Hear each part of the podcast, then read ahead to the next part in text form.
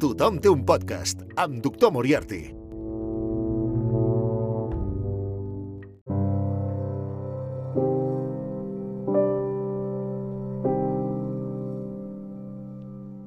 És veritat. He estat i sóc una persona molt, molt nerviosa. Però per què dieu que sóc boig? La malaltia m'ha aguditzat els sentits, no me'ls ha pas destrossat ni disminuït. Per damunt de tot se'm va afinar el sentit de l'oïda. Ho sentia tot, del cel i de la terra. Sentia moltes coses de l'infern. Com pot ser per tant que sigui boig? Escolteu-me i observeu el seny i la serenitat amb què us puc explicar tota la història. És impossible precisar com la idea se'm va ficar al cap, però un cop se'm va haver ocorregut m'obsessionava dia i nit.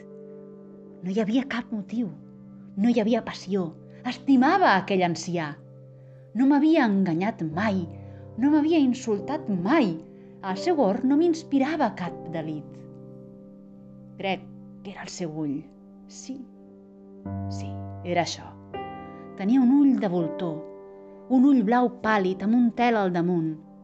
Sempre que em mirava se'm gelava la sang i així, gradualment, molt gradualment, vaig prendre la decisió de rebassar-li la vida a aquell ancià per alliberar-me així del seu ull per sempre més.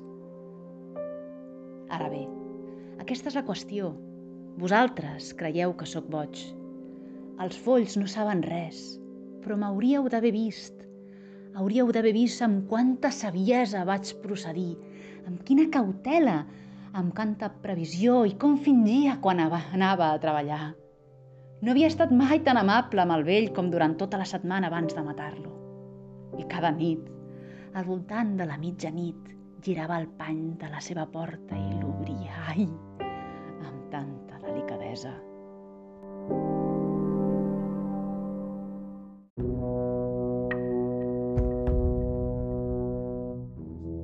Arran de la publicació del el recopilatori de contes foscos d'Edgar Allan Poe, o Poe, depèn com, com es digui, a, a Coma Negra, amb una selecció i pròleg de Víctor García Tur, me n'he adonat que últimament sembla que Poe, o Poe, estigui, estigui de moda una altra vegada. Ha una espècie de revival. De fet, he estat buscant a veure si es celebra algun centenari o hi ha alguna, algun aniversari, perquè no és normal tanta coincidència, però no, sembla, sembla ser que no, que simplement toca reivindicar Poe. I com que mai està de més reivindicar Poe o Poe, eh, doncs cal fer-ho bé, no? I ho farem, ho farem a tothom té un podcast i ho farem amb una persona la més adient de totes, eh, l'autèntic especialista, més que jo, perquè total, la millor no té molt sentit, que és la Inés Macpherson.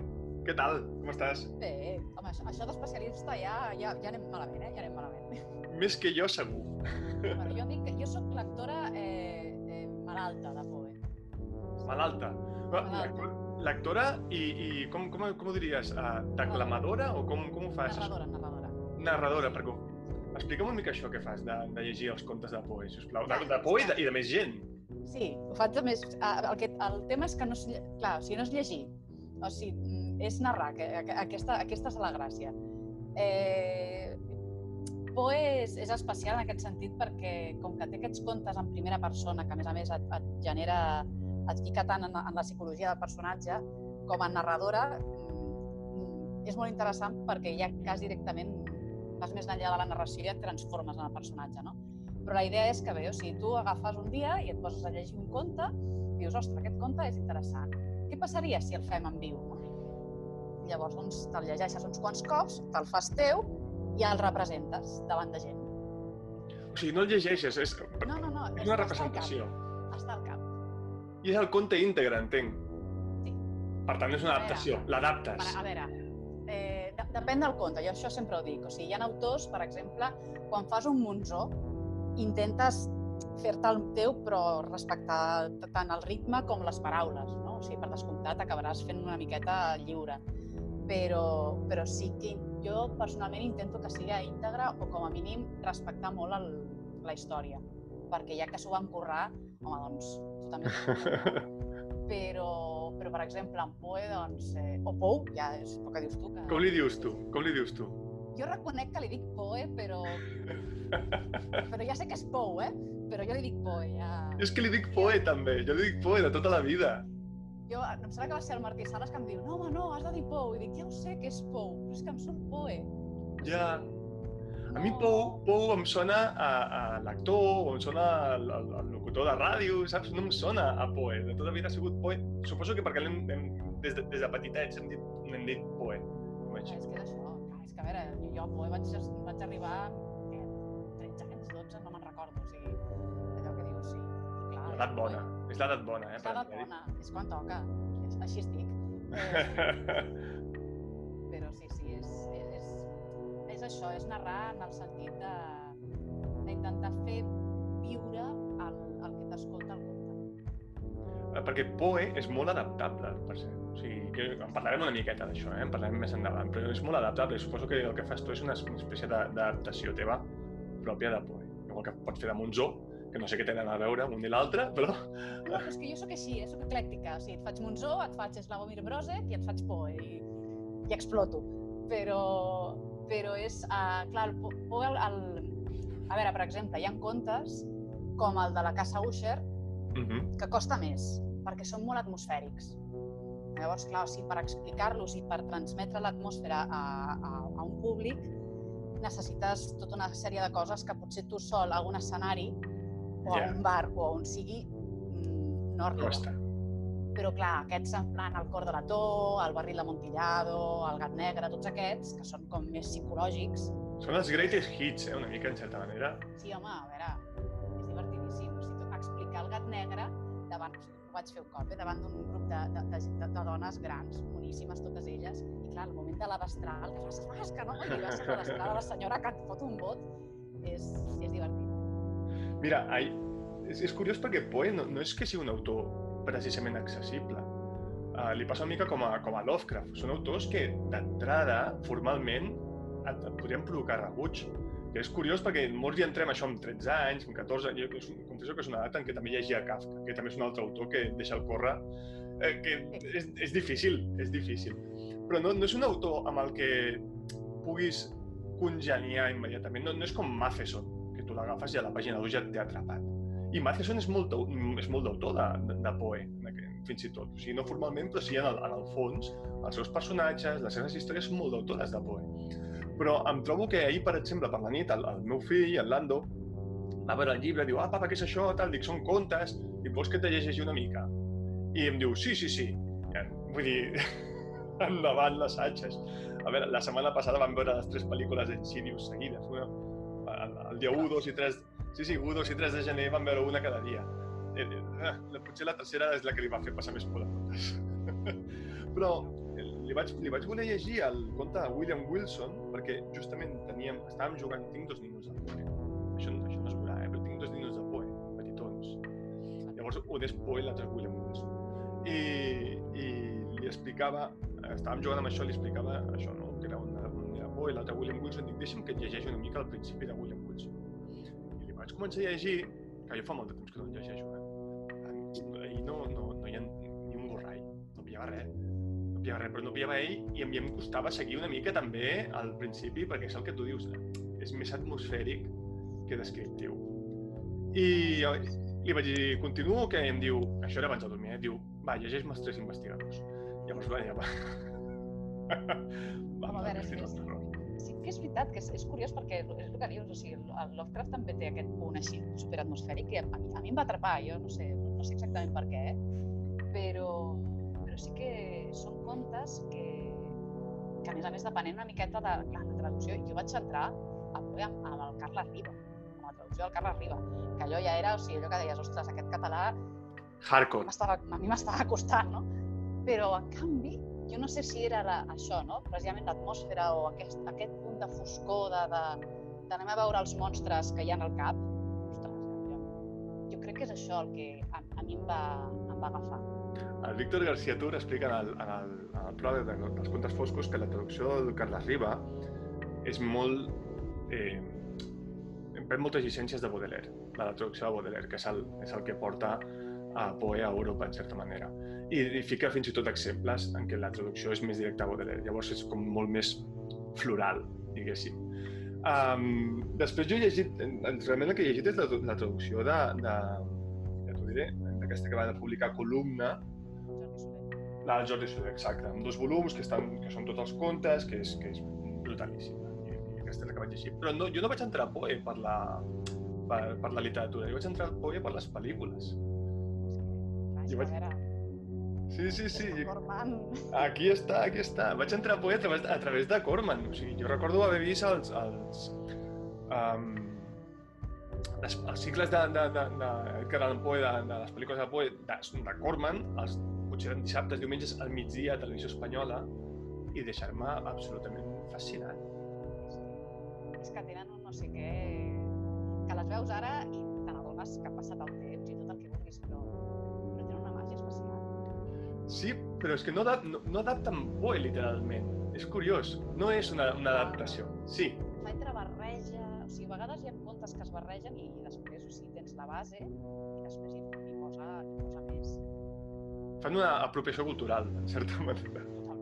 O sigui, però la gràcia és que encaixa, encaixen bastant. O sigui, el, perquè, per exemple, crec que és... El, a veure, aquesta és del Corman, el,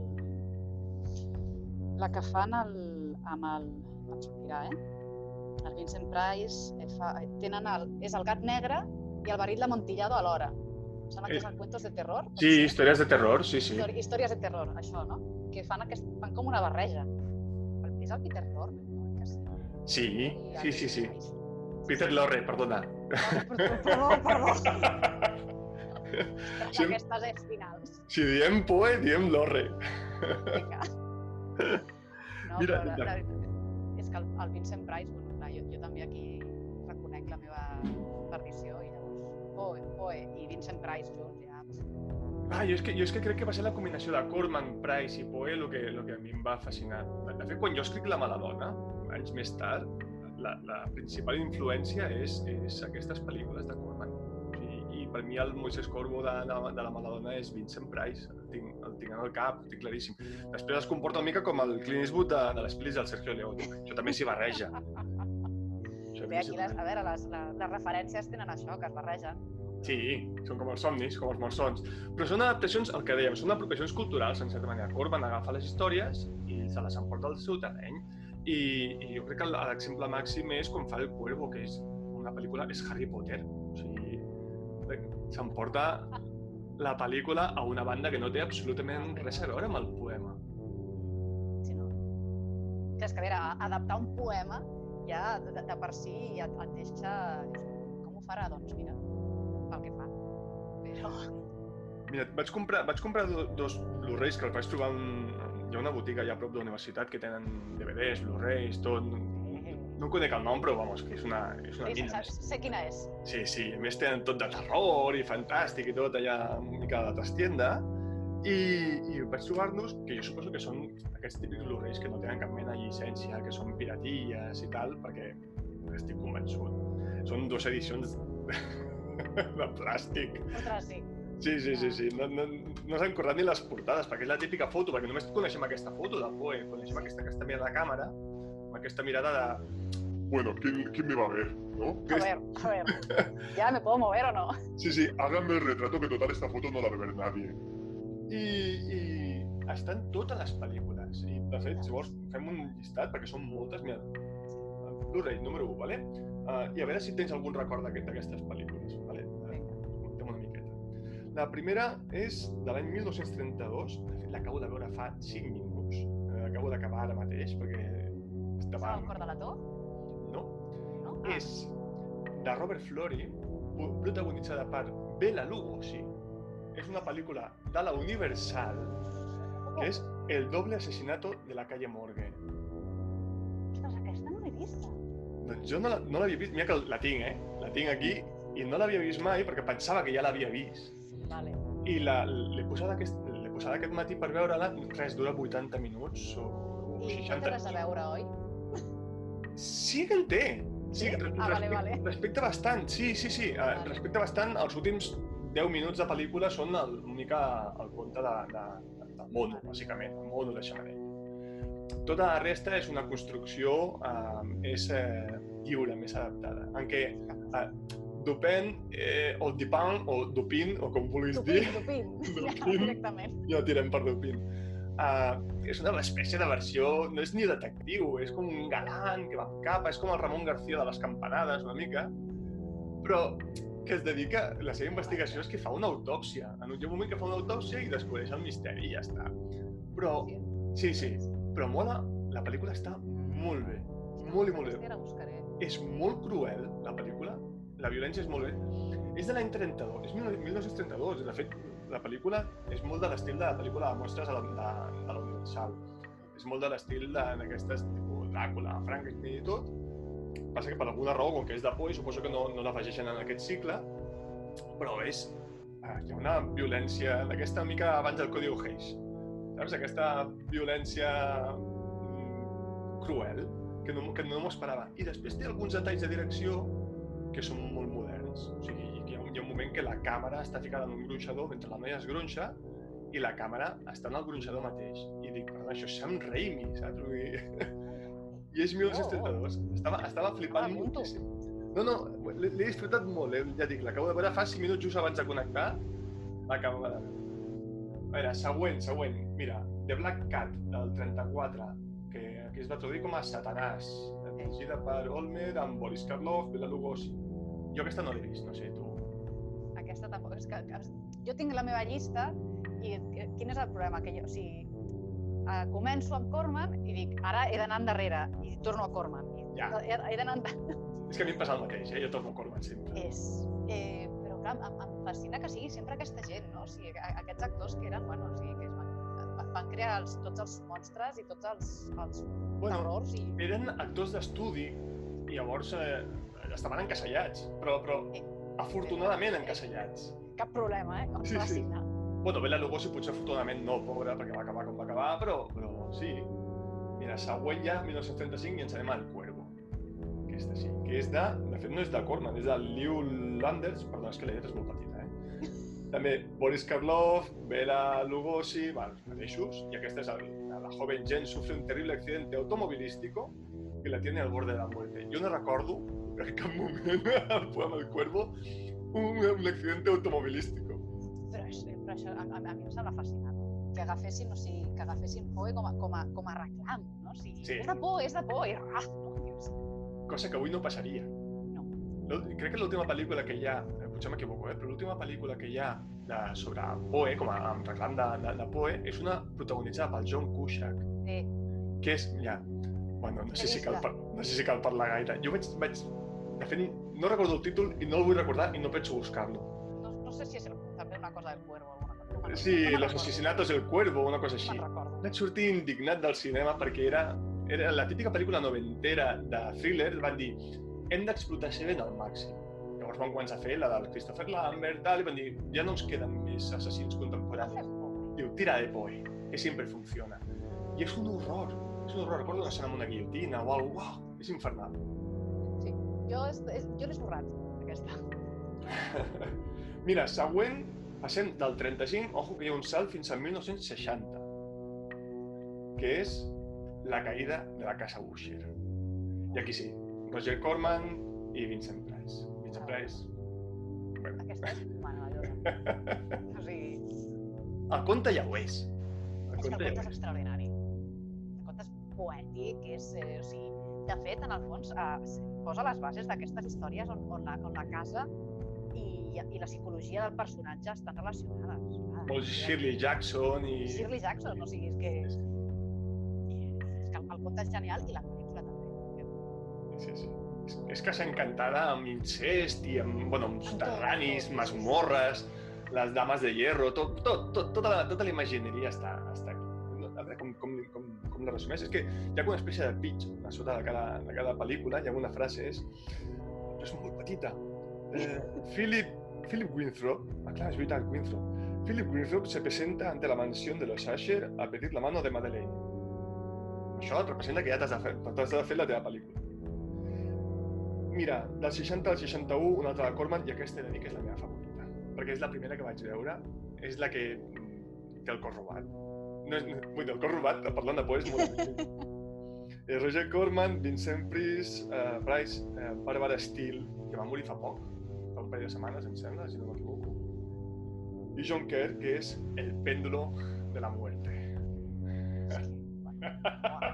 Oh, oh, oh. Aquesta és maca, Aquí. és que ho té tot. Aquesta ho té tot, també.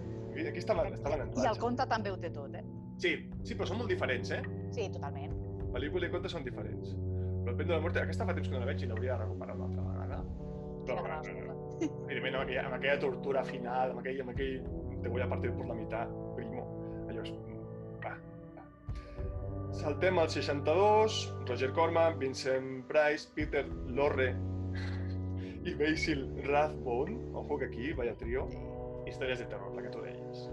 Que aquesta és més comèdia, és tira comèdia, És que, però és que, és que Poe ho tenia. i tant. Si et llegeixes Hop Frog, és, és, és, o sigui, és macab, és, té, té el punt macabre, però té molt humor.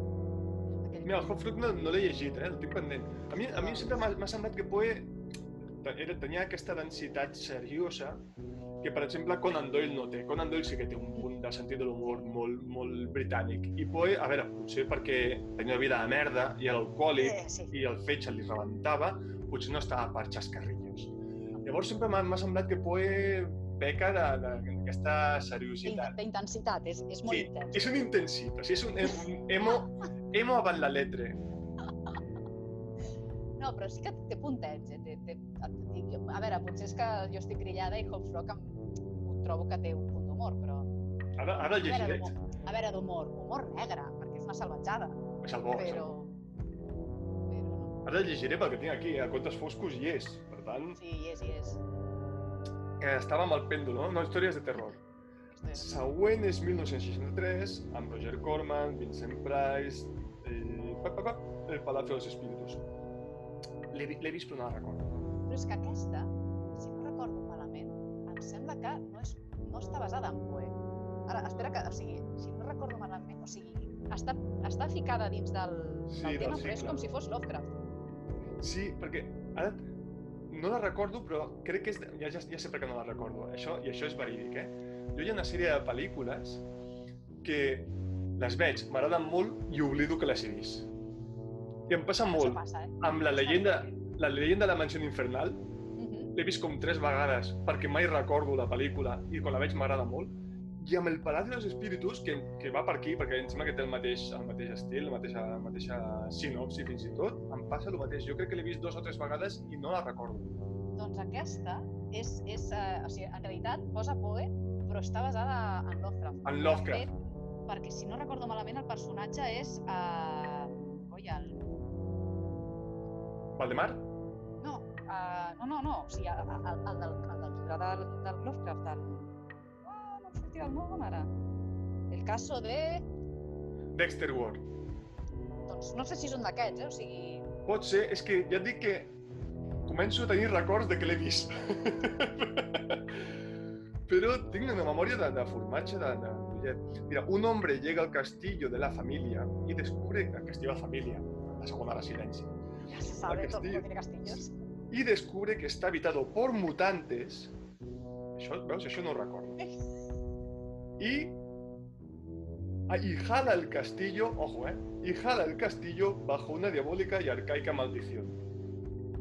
L'hauré de tornar Quina a veure. gran sinopsis. L'hauré de tornar a veure. Sí, No, no sé. Em sembla que aquest és el que està, o sigui, dins, dins del segle aquest, que en realitat no és Poe, que és, és Lovecraft. Però el Poe i Lovecraft comparteixen un univers. De fet, coses. de fet, comparteixen un univers perquè Lovecraft era un fan fanèrrim de Poe. I era un fan fatal. I, de, de fet, uh, si vols ens anem també a, a la connexió Lovecraft-Poe, que és la narració, la, la narració d'Arthur Gordon Pym, que me'l vaig llegir fa un parell d'anys. No, jo no l'havia llegit abans mai. És que el van, el van publicar, sí, això fa, fa de proa. Sí, sí, sí, en traducció de Francesc Parcerisses, la veritat és que no l'havia llegit, Tampoc, sabia... Jo tampoc me l'havia llegit, eh? Ah, bueno, bueno, em, Jo, em, era, em, jo és que només era de contes, de Poe. jo és que no, jo és que a vegades em sento una mica de... Ai, Déu meu senyor, que em falten algunes... Tinc algunes llacunes aquí. Algunes, jo tinc, jo tinc oceans. Oceans. sí. Home, Oceans mai més ben dit, eh, parlant d'aquesta d'aquesta novel·la, perquè sí que coneixia tot. Evidentment, encara que no hagis llegit, coneixes tota la mitologia i saps que hi ha aquesta espècie de, de, de trilogia fantàstica que és la narració d'Arthur Gordon Pym del, del, del Poe, l'Esfinx de gel de Jules Verne, Julio Verne, que és una espècie de continuació, que tampoc he llegit, eh? però és una espècie de continuació més científica i tal, i la veritable continuació, si la vols llegir, que és a, a les muntanyes de la banda de la Follia del Lovecraft, que és una espècie de continuació, seqüela o spin-off, jo crec que és més spin-off, eh? De, de, de, la, de la, la narració d'Arthur Gordon Pym, on fins i tot això l'agafa el Tekelili i tot. Doncs llegint, llegint la novel·la vaig descobrir un poe molt diferent al dels contes. Molt, molt més accessible, molt més lleuger, menys, menys, menys dens, però, però tot i que no escatima en, en moments d'atmosfera, eh? Però un poem molt més de... Com si fos una pel·lícula, seria un muntatge molt més descordat. Sí, sí, completament. Sí, sí, sí. I que és capaç de compaginar vaixells fantasma amb canibalisme, amb aventura marítima. És, és una puta meravella, aquesta novel·la. És que... o sigui, és de les novel·les que més se'm va agradar el 2019 va ser la narració d'Arthur Gordon Pym. M'ho vaig passar tan bé, tan bé amb aquesta. I en canvi, no hi ha, no, no hi ha adaptació de pel·lícula que jo conegui, no hi ha, no hi ha cap mena de... Em sembla que no, a mi no em sona que No. n'hi hagi. No, no. Hi ha adaptacions raríssimes, eh? Perquè mira, en, en aquests que estem repassant, per exemple, no, no hi ha una que vaig veure l'altre dia que és eh, The Warlords of the Deep Sea, que és La ciutat sumergida. Aquesta la vaig veure, la vaig veure l'altre dia perquè vaig dir, eh, adaptant el, el, el relat de Poe, que no he llegit, i vaig dir, deixa'm, deixa'm el veure. I és una espècie de, de... Saps les pel·lícules de Disney dels anys 60? Doncs és una espècie de pel·lícula de Disney dels anys 60 adaptant a Poe, amb Vincent Price fent de, de um, Quina barreja. malvado submarino, saps? Que, que, que, que és una espècie de dictador immortal d'una ciutat submarina. La pel·lícula és curteta, molt disfrutable, molt, molt, molt fet of Atlantis, molt, Vale. molta escultura atlant, de, de l'Atlàntida, molt d'això. Hi ha, hi, ha, hi ha una espècie de primigenis o deep ones, o el que, com li vulguis dir, que són uns bitxos eh, subaquàtics, eh, que estan miques aprofitats. Eh? Les seves escenes es fan una mica llargues, la veritat. per, lamentablement. No? Però bueno, està, està bé, és una aventura aquesta subaquàtica que està que per passar Aquesta vaig l'estona veure que la, que, que la comentaves i vaig dir, ho he de veure, l'he de veure aquesta. De veure. Ciudad sumergida, sí, sí, sí. I, i, i és una mica la vessant, la vessant aquesta més marítima de, de Poe, en certa manera. Sí. Sí. I ja està, ja està. Gordon Pym, passau. I si vols anem a, la, a mi, al volum 2 de- d'aquest Blu-ray, aquí hi ha unes quantes, no, aquí hi ha, aquí hi ha, aquí hi ha les gordes. De, de l'Igeia. Eh? Mira, tenim del... Ah, mira, estan barrejades eh, pels anys, perquè la primera és del 54, dirigida pel Roy de Ruth, no tinc el plaer, amb Carl Malden i Claude Dauphin, que és El fantasma de la calle Morgue. Ostres, quin Sí. fantasma. Sí, eh, en una tranquil·la... Té una pinta, és un merdot. Eh, és que, de fet, de fet, crec que la vaig intentar començar a veure no... En una tranquila noche de verano, los vecinos de la calle Morgue, en París, son despertados por los gritos de una mujer. Bueno, a veure, Podria ser el resum d'una pel·lícula de Tampoe o podria ser un, una targetita de, de la Mayra Gómez Kemp. Després n'hi ha... Home, aquesta és bona, aquesta és bona, eh? Del 62, l'enterrament prematur, que es va traduir com La obsesión, també de Corman, amb el rei Milan. Después de averiguar que su padre pudo haber sido enterrado vivo, Guy, pues es lo típico, Guy vive dominado por la obsesión de que le pueda ocurrir lo mismo. Fantàstic. clar. I ojo a les, a les que em ara, que és La màscara de la muerte roja, del 64. Aquesta, he, he descobert que hi ha que no, que no l'entusiasma. Mm, no, perquè és veritat que és més estètica que... Home, clar, que però és que, a veure, és, és el conte més, o sigui, és- probablement és el més estètic, és arquitectònic directament. Mm -hmm. O sigui, és, és un conte arquitectònic. Sí, però aquí tenim a, a Vincent Price amb la cara pintada vermell, que és... no, no es pot ser més icona pop. És que Vincent Price ho, ho, peta, ho peta, o sigui, no ho Tot. pot petar més. No ho Sí, pot sí, petar més. Tot. Sí, sí, sí. No pot molar més, amb aquella veueta que té. I, i, i aquí tenim la, tota la... Recordo aquesta pel·lícula, fa temps que no la veig, però la recordo, que més s'ha posat de moda arran d'aquesta pandèmia. La recordo com una espècie de, de pel·lícula obsessiva també i com onírica, molt onírica. És que dona, dona, dona peu a, a que ho crec que la base de la història hi ajuda amb això. Però, en canvi, fixa't que el que va decidir resumir-la es, es fixa més en la part burocràtica de la pel·lícula.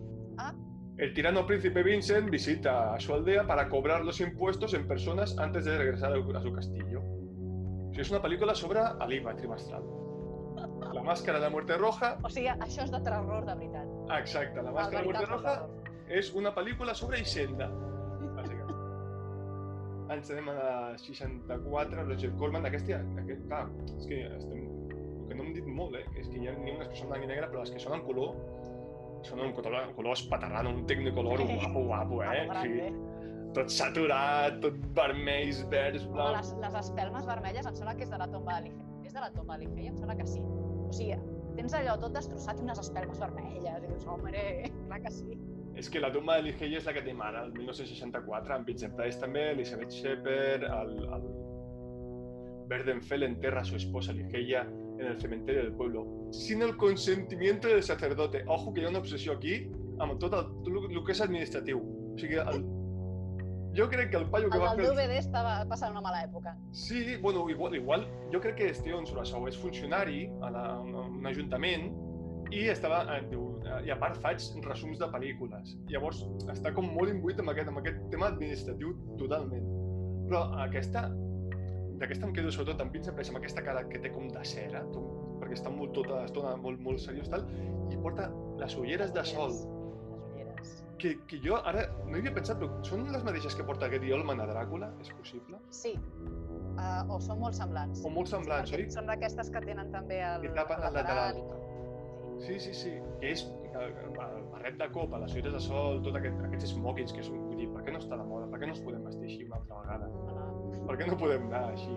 Sense que sigui cosplay, sense que sigui la fèria de l'estiu. No, per... O sigui, an anar elegants. No, no me'ls tornéis a l'aire. Joder, per què no es posa de moda?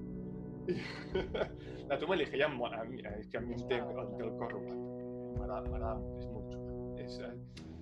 I a més, em sembla que és de les... Cinematogràficament, pel que recordo, és de les més eh, sòlides. Sí. A veure, és... està molt ben feta, jo crec, aquesta. Mhm. I respecta bastant, bastant el, el, conte. Sí, Crec. i és possible, és possible que la meva impressió sigui perquè té, és la que té exteriors. Que la resta Clar, normalment són tot plató, estudi i aquesta té exteriors. I això mm, fa, fa impacte. sí, aquella atmosfera... Jo crec que la, està prou bé. Després, 1969, de Gordon Hessler, i ojo, aquesta la vaig veure fa relativament poc, és La caja oblonga, de Oblong Box. No l'has vist aquesta? Amb l'altra, Vincent Price, Alistair Williamson i... Christopher Lee. és possible, em sembla que és la primera aparició de Christopher Lee, aquesta, eh? De, en, en, en, en, en, aquest, en aquest tipus de pel·lícules. Em va semblar llegir-ho, eh? Sí, sí, sí. Em sona que és la primera aparició de Christopher Lee com, com en pel·lícules de terror o així. Em sona que és aquesta, 1969. Potser estic equivocat, eh? Però, però Sí, però... Bueno, tampoc no penso contrastar-ho, eh? Però, però sí. la gent que ho busqui a Google. Però em va sonar llegir-ho. Un terrible accidente desfigura la cara de Sir Edward, un aristócrata británico. És, és raro que no digui que necessita que la seguretat social... al banco. Sí, estava- Que, exacte. que havia d'anar al... la- De, ca de camino al, al registro civil, un terrible accidente. I aquesta, que és hi ha una espècie de, de mitologia africana pel mig, i tema de, de zombis i tot en aquesta. Sí, sí, sí, perquè el, perquè l'aristòcrata L'hauria aquest de tornar a veure, eh? és que la vaig veure fa, fa un parell de mesos o així. I que ja és prou temps perquè l'oblidi, eh? Vull dir, recordo quatre cosetes. Però, però sí que hi ha mitologia africana, hi ha tema de, de zombis i tot això, llavors el que tal, el, el que té la cara desfigurada es fica una màscara. Mira, un parell de mesos no, igual, igual fa un any que la vaig veure, perquè estava escrivint l'horror l'horror de Requiem. I, i, I era abans de la pandèmia. Es fica una màscara, saps com la que es fica el Jiménez Los Santos? Que és que retalla la màscara aquesta higiènica a la cara? Doncs es fica, es fica una màscara com la dels Jiménez Los Santos, amb els ulls retallats i tot, però és de vellut. La màscara és de vellut. Ostres, I és molt xula, molt xula. Em vaig ficar la màscara aquesta de- d'Avatar una temporada a Twitter perquè, vull dir, era, era prou xula. Estava molt, estava molt bé. I la pel·lícula té el seu punt perquè, evidentment, en Christopher Lee, tot el que té Christopher Lee, pues, que, ah, exactament. que t'he d'explicar. I ja la última, mare meva, ja saltem a 1990, dirigida pel prestigiós i això no sé ni per quan ficat, eh? Gerard Kikome, o Kikoine, Gerard Kikoine, que té nom, té nom de marca de fruits secs, amb Robert Bone i Donald Pleasence, i Karen Lorre, que deu ser filla de, del Peter Lorre. Pot ser. No tinc ni puta idea de què va, Però ni idea, eh? ni idea, Aquesta? però eh, emparedada. Ah, bueno. Bueno, Alive. Era, era habitual. en Poe, Buried sí. Ah, Buried Alive, potser... Igual n'hi ha 40 pel·lícules que es diuen així, eh? Però, però... Igual la vaig veure de petit i em va fer molta por, però ara, mira, l'hauria de tornar a És que veure. la, la idea és xunga, eh? Eh, sí, sí, sí, no és agradable. No és agradable. I podeu fer una... de tant en tant, eh? Això de... Vamos a encerrar la gent ahí viva. Perquè li tenia tírria Poe en això. Home, és que a veure, és, és, és aquella època en què realment hi havia enterraments de gent. Que aquí les campanyetes i tot. Eh, tornem, eh, quan vaig escriure a Maladona, que vaig fer algun enterrament també prematur d'aquests, eh, faig referència a la malaltia aquesta de tenir por de... por, més que por, tenir pànic a ser enterrat viu i tot això, no recordo no recordo el nom de, de, de la malaltia aquesta. I ho vaig escriure, ho vaig escriure amb un paràgraf que era molt irònic, rotllo, bueno, la gent no té gaires ganes de ser enterrat viu? I, I la primera crítica que em van fer de la mala dona, que va ser de la web del Manuel Trallero, i va ser una crítica, la primera, eh? la primera que va sortir va ser una crítica que va, va, va anar a de huello amb la novel·la. Que la novel·la havia guanyat el, el Premi Crims de Tinta del Departament d'Interior i en aquell moment hi havia el Saura, i aquell anava contra el Saura a Pinyon, bueno, la novel·la va rebre eh, per, per, per via subrogada aquí pràcticament. O sigui, va, va anar a tope. I recordo que destacava això, que, que el fragment aquest de no tothom té gaires ganes de ser enterrat viu, ho destacava com que jo, no, no, com, que, com si no hi hagués ironia, com si estigués escrit en sèrio. I ho criticava dient, però com es pot dir això? I és de, bueno, pues, Ai, Miri. la comprensió lectora. bueno, i això és abans de Twitter. No s'havia inventat Twitter encara. Vull dir, no eren 140 caràcters, era una puta novel·la sencera. I no ho va entendre que era, que era ironia. Vull dir, portaves 200 pàgines d'ironia i arribes aquí i a sobre et penses que ho, faig, que, que ho escric com si, com si fos en sèrio. Bueno, a la merda, a la merda Twitter i a la merda la gent que no té ironia. La gent literal, a la merda tots. A la merda tots. Ea. Eh. Doncs emparada que és una mujer se emplea como maestra, se emplea, eh? Ojo que anem, tornem una altra vegada al tema, al tema administratiu, eh? O sigui, tot és, tot és, aquí tot és laboral, administratiu. Una mujer se emplea como maestra en el Instituto Ravenscroft, un colegio en cuyo personal se puede contar un expaciente mental. Ah, Uh, clar, entenc clar, que té de, la vida, eh?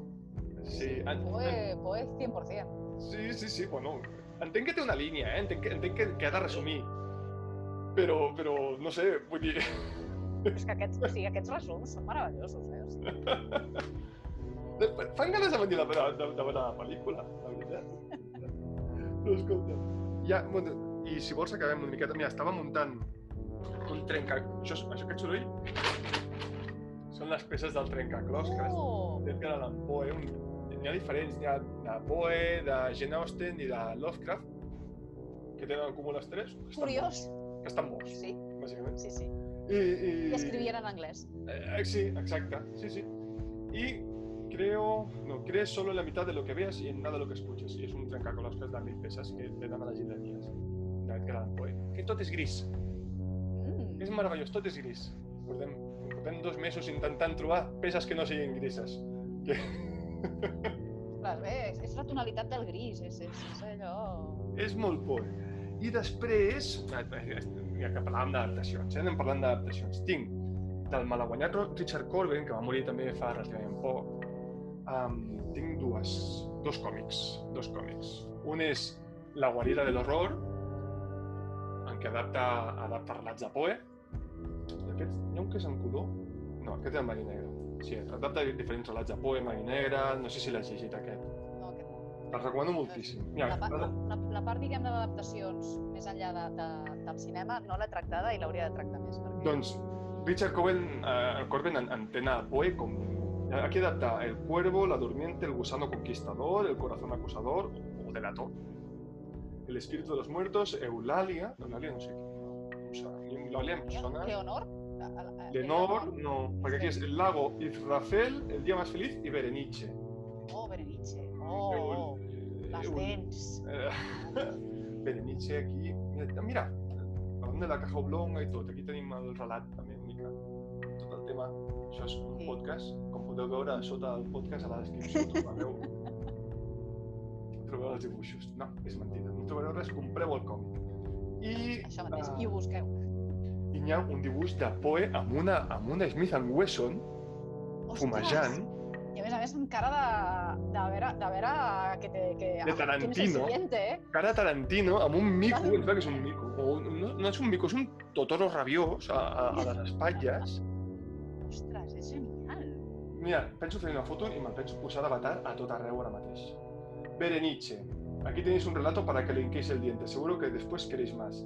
Sí. I és, ojo que dibuixa a Donald Pleasance. Eh, Mira, igual que en Paredada sortia Donald Pleasance, aquí també el dibuixa. A la primera, la primera vinyeta surt Donald Pleasance. De Richard Corbett. Horror sublime. I és les dents, evidentment, sí. Sí, sí, són les dents. Les dents, les dents. És la, el trastorn obsessiu eh, portat a, Sí, està molt bé perquè tinc hora demà amb el, amb el dentista i això m'animarà moltíssim a la sala d'espera.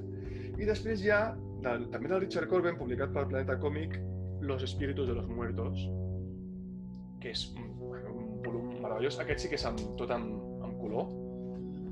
I aquest té... Clar, és que si, si l'obro me'l quedo enganxat, eh? també t'ho dic. Eh? Um... Los espíritus de los muertos, el poema i després, no sé, ah, potser és una, com una adaptació, no de, no de contes, sinó de la història en si. Potser és del poema, ara no, no sé, fa temps que no llegeixo. Però bueno, tot el, tot el, tot el que és poe està aquí. No, no l'esteu veient, però el podríeu veure, eh? Sí, Estaria sí, sí. malament, És per fer-vos les dents llargues una mica. Aquí hi ha gent esventrada, Com a veure, clar. i a més a, tot color, amb tots aquests vermells, tot això, molt bé. Vodú, uh, mòmies, hi ha mòmies també, Oh, Això està molt bé, en un podcast és tot el que no s'ha de fer. Però bueno, escolta, és mi podcast i hago lo que quiero. y hago lo que quiero.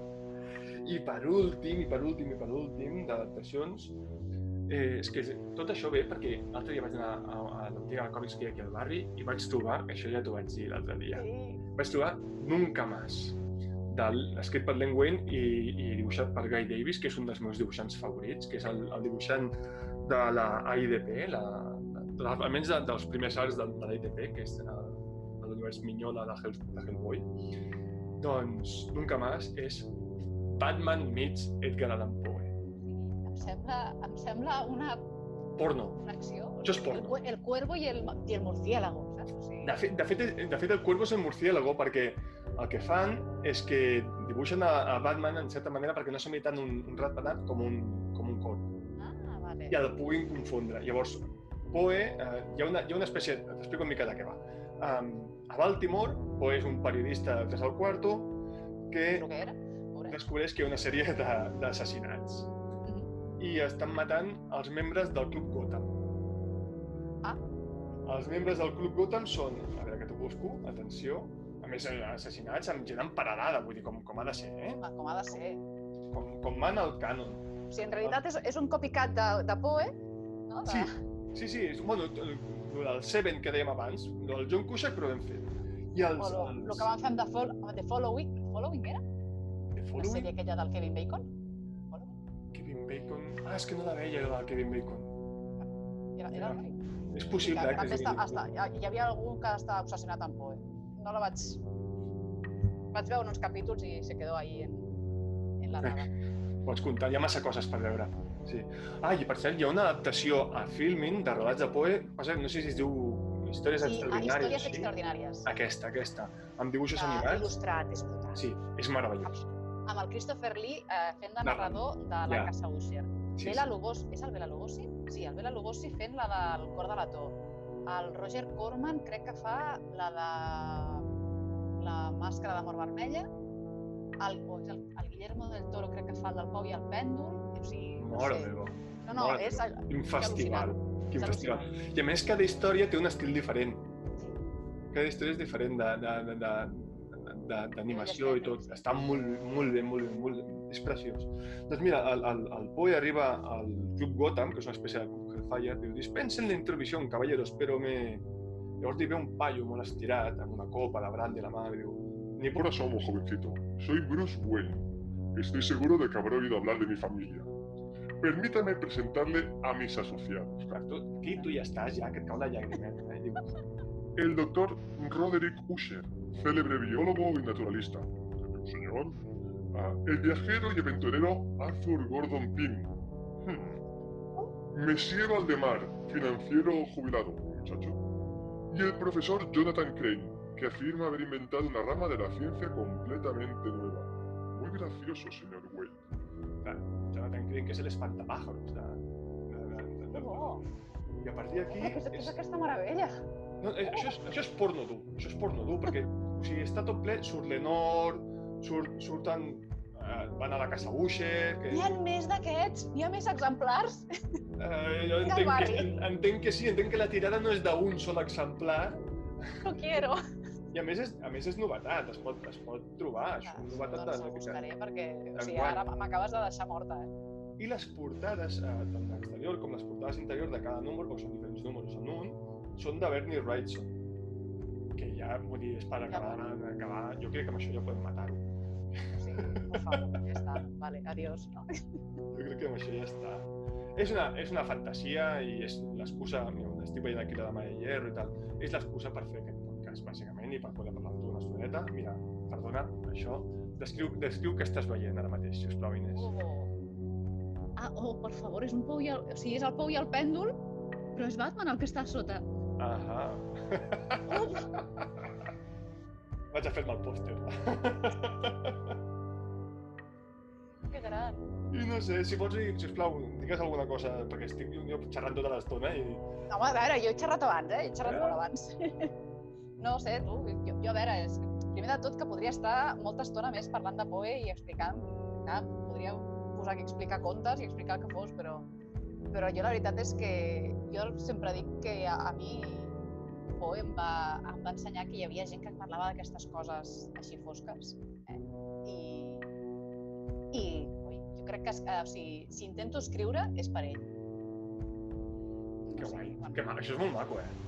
Sí, no, no, sí, tal qual. O sigui, perquè, clar, o sigui, tu quan tens... O sigui, quan ets preadolescent i això, i comences a escriure coses on hi ha ciutats que es mengen a les persones i això, i clar, tu vas amb el teu conte i li ensenyes a la mama, dius, què? Què tal? I dius, home, què fas fent aquestes coses? I dius, ostres, vale, no es pot fer, no? Ja, ja. I llavors, clar, llegis aquest senyor i dius, ah, sí que es pot fer. Això canvia la mama pels editors i és actualment el que passa, també. eh? Sí, no, és, és, jo és una cosa que... No sé, o sigui, el, el terror és com, és com el germà petit, lleig, eh, oblidat i tancat, allò, enterrat viu, també a, a, i empa- emparedat també a, a, algun lloc, perquè no ho acabo d'entendre. Mira, I la veritat és que la qualitat Víctor- literària d'aquest home No, no, Qui fora de dubte. El Víctor García Tur, en el pròleg dels Contes Foscos, diu això, que quan va, quan va sortir... No quan va sortir, quan va començar a publicar Poe, um, la crítica el deixava a caure un porro. I el deixaven malament. I de fet, eh, de fet ell comença el pròleg esmentant això. Diu, a la mort d'Edgar Allan Poe, Walt Whitman, Estòpol de Clocs, va tenir el mal gust, un mal gust més propi del finat, de publicar una necrològica, necrològica poc laudatòria. I retratava Poe com un pianista que només sabia tocar les notes greus. Com si això fos dolent.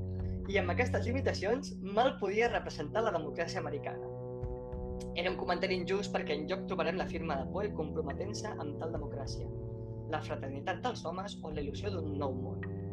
Al contrari, la seva obra és un intent de corrompre l'art i de passar dels ciutadans que s'hi interessin, tot abordant la follia, el crim i la mort.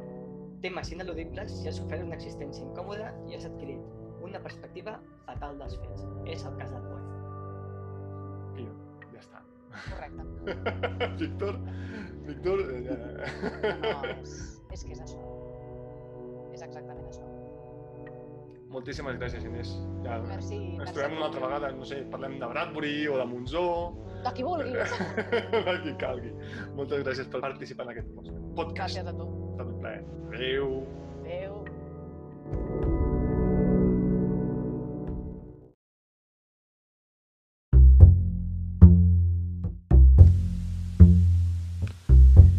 Once upon a midnight dreary, while I pondered, weak and weary, over many a quaint and curious volume of forgotten lore, While I nodded, nearly napping, suddenly there came a tapping, as of someone gently rapping, rapping at my chamber door. "'Tis some visitor," I muttered, tapping at my chamber door. Only this and nothing more. Ah, distinctly I remember it was in the bleak December, and each separate dying ember wrought its ghost upon the floor. Eagerly I wished the morrow. Vainly I had sought to borrow from my books surcease of sorrow. Sorrow for the lost Lenore, for the rare and radiant maiden whom the angels name Lenore.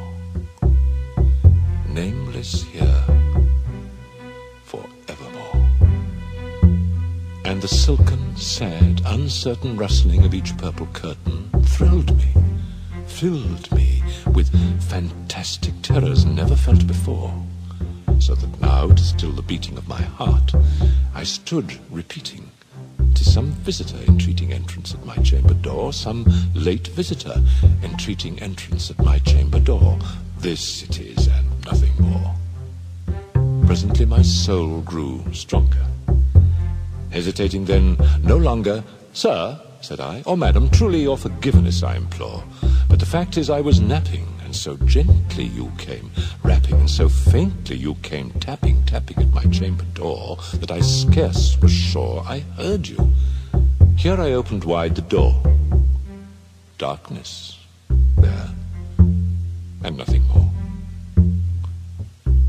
Deep into that darkness peering, long I stood there, wondering, fearing, doubting, dreaming dreams no mortals ever dared to dream before. But the silence was unbroken, and the stillness gave no token. And the only word there spoken was the whispered word, Lenore. This I whispered, and an echo murmured back the word, Lenore. Merely this and nothing more. Back into the chamber turning, all my soul within me burning. Soon again I heard a tapping, something louder than before. Surely, said I, surely that is something at my window lattice. Let me see then what thereat is, and this mystery explore. Let my heart be still a moment, and this mystery explore. Tis the wind, and nothing more. Open here, I flung the shutter, when, with many a flirt and flutter, in there stepped a stately raven of the saintly days of yore. Not the least obeisance made he, not a minute stopped or stayed he, but with mien of lord or lady, perched above my chamber door, perched upon a bust of Pallas, just above my chamber door, perched and sat, and nothing more. Then this ebony bird, beguiling my sad fancy into smiling by the grave and stern decorum of the countenance it wore, Though thy crest be shorn and shaven, thou, I said, art sure no craven, ghastly, grim, and ancient raven, wandering from the nightly shore. Tell me, what thy lordly name is on the night's Plutonian shore. Quoth the raven, nevermore. Much I marvelled this ungainly fowl to hear discourse so plainly, though its answer little meaning, little relevancy bore, for we cannot help agreeing that no living human being ever yet was blessed with seeing bird above his chamber door, bird or beast, upon the sculptured bust above his chamber door with such name as Nevermore. But the raven, sitting lonely on that placid bust, spoke only that one word, as if his soul, in that one word, he did outpour Nothing farther then he uttered, not a feather then he fluttered, till I scarcely more than muttered, Other friends have flown before. On the morrow he will leave me, as my hopes have flown before. Then the bird said, Nevermore. Startled at the stillness broken by reply so aptly spoken, Doubtless, said I, what it utters is its only stock and store, caught from some unhappy master, whom unmerciful disaster followed fast and followed faster till his songs one burden bore, till the dirges of his hope that melancholy burden bore, of never, nevermore. But the raven still beguiling all my sad soul into smiling, straight I wheeled a cushioned seat in front of bird and bust and door. Then upon the velvet sinking, I betook myself to linking fancy unto fancy, thinking what this ominous bird of yore, what this grim, ungainly, ghastly, gaunt, and ominous bird of yore meant in croaking, nevermore. This I sat engaged in guessing, but no syllable expressing to the fowl, whose fiery eyes now burned into my bosom's core. This and more I sat divining with my head at ease, reclining on the cushion's velvet lining that the lamplight gloated o'er.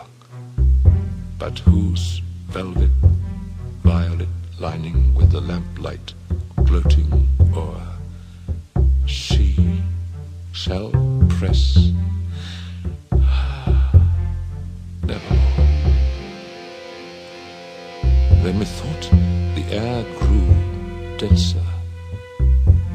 perfumed from an unseen censer swung by seraphim, whose footfalls tinkled on the tufted floor. Wretch, I cried, thy God hath lent thee, by these angels he hath sent thee respite, respite and nepenthe from thy memories of Lenore.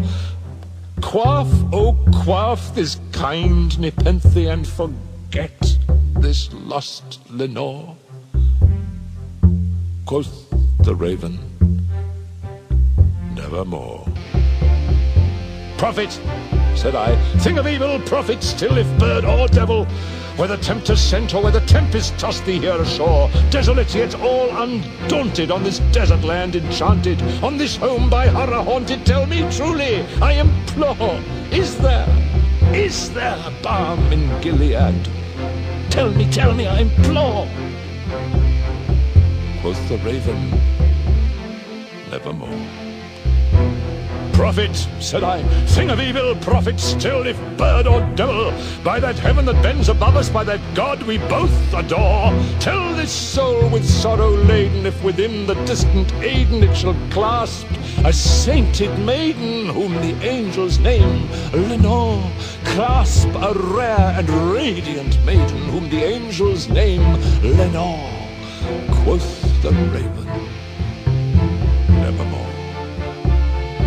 Be that word our sign of parting, bird or fiend! I shrieked, upstarting, Get thee back into the tempest and the night's Plutonian shore! Leave no black plume as a token of that lie thy soul hath spoken. Leave my loneliness unbroken. Quit the bust above my door. Take thy beak from out my heart, and take thy form from off my door. Quoth the raven nevermore. And the raven, never flitting, still is sitting, still is sitting on the pallid bust of Pallas just above my chamber door.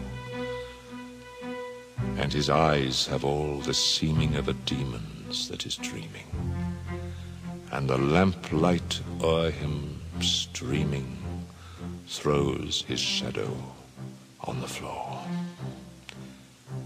and my soul from out that shadow that lies floating on the floor shall be lifted nevermore.